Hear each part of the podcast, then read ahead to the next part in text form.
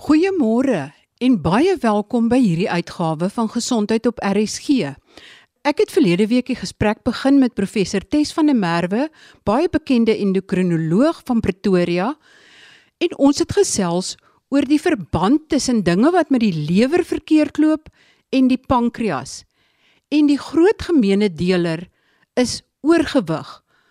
Ons het gekyk na lewervervetting, pankreatitis en pankreaskanker. En daar is 'n baie sterk verband tussen hierdie siekteprobleme. En hoewel dit kan voorkom in mense wat nie oorgewig is nie, is dit juis die oorgewig epidemie wat die toename in hierdie siektes dryf. Oorgewig skakel baie prosesse in die liggaam aan wat nie aangeskakel moet wees nie. Prosesse wat baie skadelik kan wees wat selfs kanker kan veroorsaak. Kom ons luister net vinnig na van die hoofpunte van verlede week se gesprek en dan gesels ek verder met professor van der Merwe oor wat 'n mens kan doen as jy oorgewig is om jou risiko vir hierdie siektes te verminder. Lewervervetting is iets wat baie toegeneem het oor die laaste 2 dekades.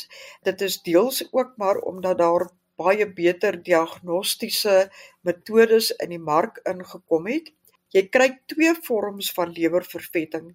Die een wat 'n baie sterk genetiese basis het waar iemand nie noodwendig oorgewig hoef te wees op 'n astronomiese skaal om lewervervetting te ontwikkel nie. Dan natuurlik is die grootste gedeelte is die feit dat ons sit met 'n wêreld bevolking wat baie vetsigtig geraak het. En een van die maniere waarop die lewer die liggaam gaan probeer beskerm aan die begin is om te kyk hoeveel suiker kan hy uit jou bloedstroom uithaal en net iewers anders gaan stoor. Maar onthou, die lewer het 'n kapsel rondom hom. En op een of ander stadium gaan daai stoorkamer volgepak wees en dan gaan dit begin oorgaan in prediabetes en dan uiteindelik diabetes. Vervetting van die lewer is nie 'n entiteit sonder progressie nie. Met ander woorde, dit is nie net 'n kwessie van ja, maar jy het 'n vervette lewer en jy lewer net daarmee saam nie. Dit is progressief. Met ander woorde, hoe langer vet in die lewer gestoor word, hoe groter is die kanse dat jy uiteindelik sal oorgaan na 'n lewer wat siroties word en totaal disfunksioneel word. Die konsep agter pankreatitis en die ontwikkeling van pankreaskanker is 'n baie baie nou gesette verband. As jy oorgewig is, is daar 'n paar goed wat begin verkeerd gaan. Nie net skei mense te veel insulien af nie. Hulle skei ook wat ons noem insulin derived like growth factor af wat die vermoë het om die stimulasie van abnormale kankerselle aan te moedig en dit is juis een van die redes hoekom daar so groot verwantskap is tussen oorgewig en kankers. En dis verskeie kankers. Dis jou hormonaal afhanklike kankers. Dit is ook jou kolonkankers. Dis definitief ook pankreaskankers. Dan is die tweede probleem is as jy oorgewig is skei jy 'n hele horde van pro-inflammatoriese molekules aan wat 'n tipe van 'n kroniese inflammatoriese toestand in die liggaam veroorsaak. En daai kroniese inflammasie het wel die vermoë om kankergene letterlik mettertyd wakker te maak. Dan is jou derde probleem daar is 'n verkeerde afskeiding van sekere van jou normale organismes wat normaalweg in jou darmkanaal moet plaasvind wat vir jou beskerming sal gee. Hoe meer oorgewig jy is en hoe meer vry vetsure daar in die liggaam is en hoe meer uh, suiker daar is, hoe meer versteur word daai makro en mikrobiotika. En dan die vierde meganisme waarvolgens dit ontwikkel is as jy kry die afskeiding van sekere hormone in die vetweefsel self. Hulle moedig die vorming aan van klein vaatjies in die liggaam wat nie noodwendig daar moet wees nie dan sit jy nou met 'n situasie waar daar 'n abnormale hoë sirkulasie is na 'n sekere gedeelte toe of dit nou die kolon is en of dit die bors is en of dit die prostaat is en nou begin hierdie pro-inflammatoriese molekules letterlik baie maklik kan uitkry by daai plek waar ons nie wil hê hulle moet wees nie. As jy kyk na die nuwe statistieke wat nou uitgekom het, is die voorspelling en dit is absoluut vreesaanjaend is om te sê dat teen die jaar 2030 gaan pankreaskanker jou tweede mees algemene kanker wees wêreldwyd. En hoekom ek sê dit is vreesaanjaend is punt nommer 1, dit is 'n baie moeilik behandelbare kanker. Punt nommer 2, dit is moeilik om dit te diagnoseer. Dit is dikwels 'n kanker wat baie laat ontdek word. Jou oorlewingspotensiaal oor 5 jaar selfs met een van daai gekompliseerde operasies soos 'n hoepels ensovoorts is maar omtrent 10%.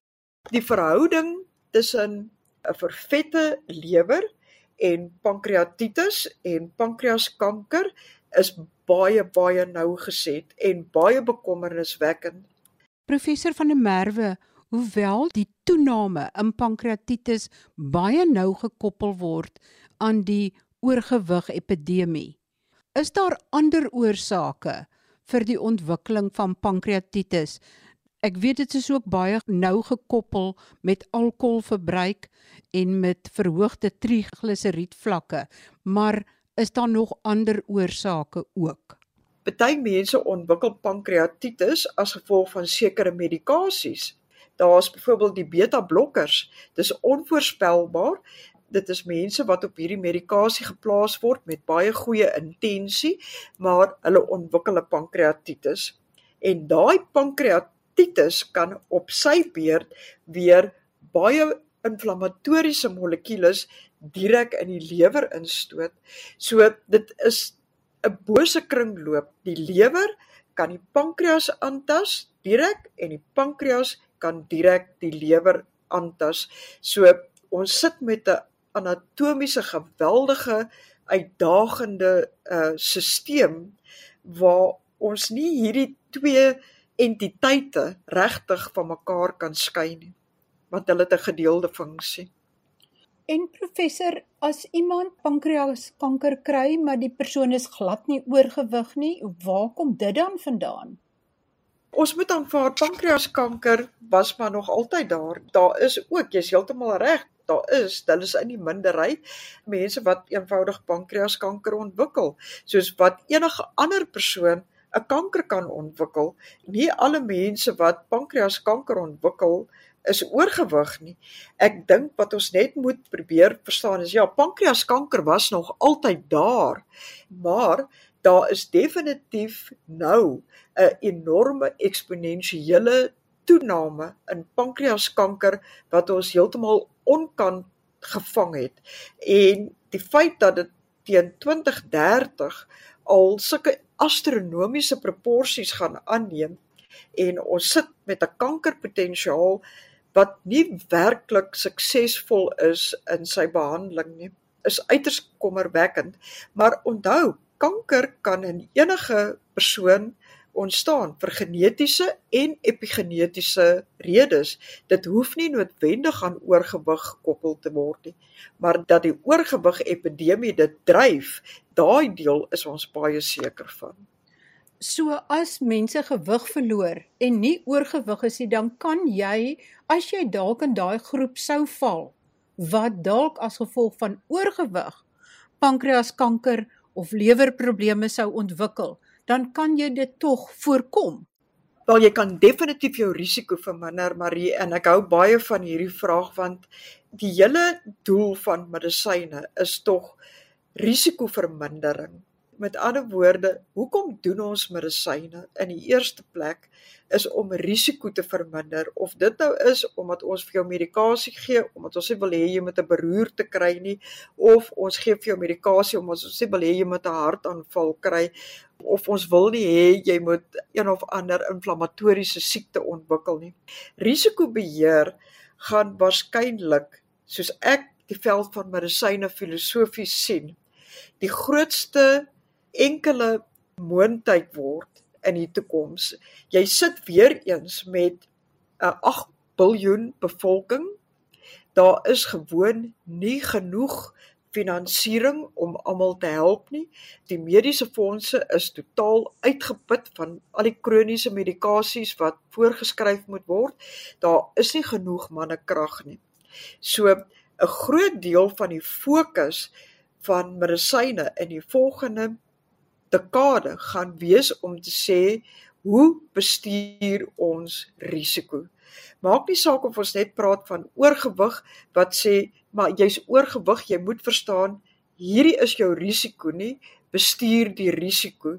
Dit is ook risiko in terme van baie ander siektes want op die einde van die dag as jy daarna kyk van 'n ekonomiese oogpunt af is dit baie beter om eerder risikobestuur toe te pas as om dierbehandeling toe te pas. En ons is bitter vinnig wêreldwyd op pad na 'n situasie waar daar eenvoudig net nie genoeg finansiering gaan wees om al die siektes te bestuur nie. So risikovermindering is prioriteit nommer 1 vir elke persoon En om by daai punt uit te kom, moet ons uitkom by die punt waar ons sê, maar op watter punt neem ek as persoon verantwoordelikheid vir my eie risikobestuur? Jy kan nie van iemand anders verwag om vir jou daai risikobestuur alleen te doen nie. Ja, iemand kan vir jou soos ek sê die tool gee. Met ander woorde, iemand kan jou inlig en vir jou sê dis hoe jy jou risiko gaan bestuur dit is hoe jy jou gesondheidssituasie kan verbeter. Maar dit is 'n 50-50 verhouding. Dit is 50% die publiek se werk en 50% is dit die mediese wat die risiko bestuur en natuurlik jou mediese fondse en jou hospitale en dis meer wat die risiko bestuur moet toepas. Maar risiko bestuur gaan enorm belangrik word in die toekoms. Ek stem saam en ek dink daar sal baie mediese fondse wat juis navorsing hieroor doen.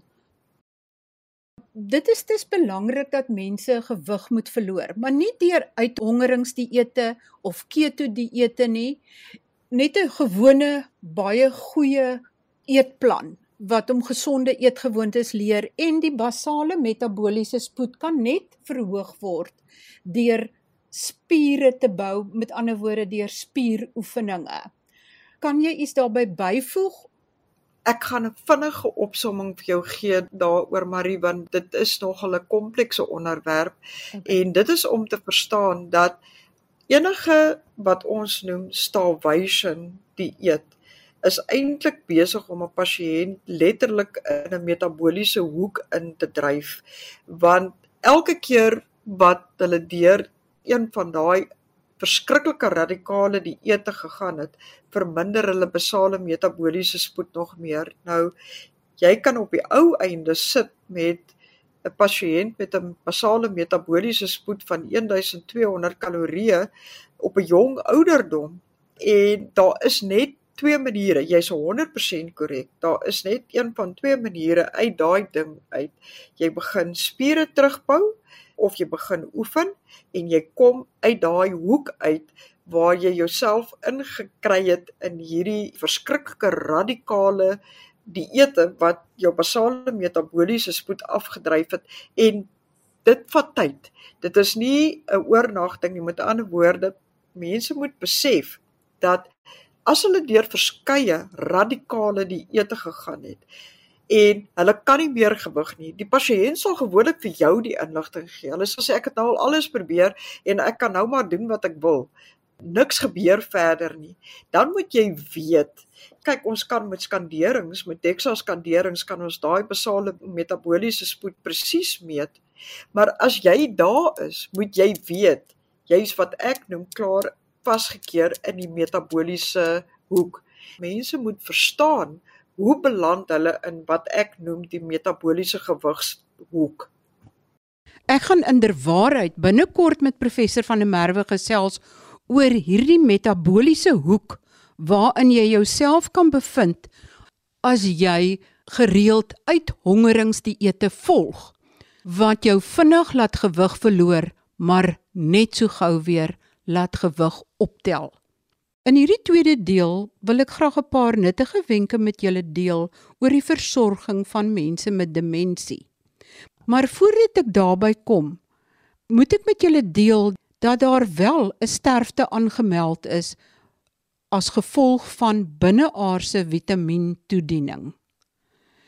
'n Jong vrou het by 'n sogenaamde kliniek waar binneaardse konkoksies aan haar toegedien is, anafilaktiese skok opgedoen en daar was nie toerusting byderhand om haar te resusciteer nie.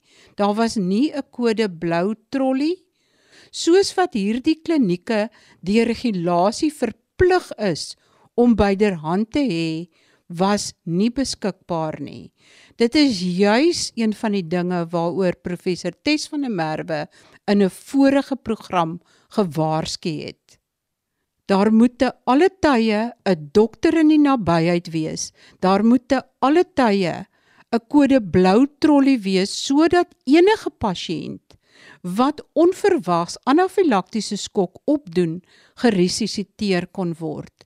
Hierdie jong vrou se lewe kon nie gered word nie, juis omdat daar nie die nodige resuscitasie toerusting beskikbaar was nie let ook op dat van die middels wat in die konkoksies aangebied word eintlik baie gevaarlik is. Van die middels kan onder meer tot permanente haarverlies lei. Dit kan tot permanente veluitslag lei en dit kan selfs kanker veroorsaak. Dink dis asseblief twee keer voordat jy hierdie sogenaamde vitamienkonkoksies direk in jou bloedstroom laat intap. Dan wil ek net 'n paar nuttige wenke deel oor die versorging van pasiënte met demensie. As pasiënte begin vergeet, stel jou voor hoe hulle moet dink.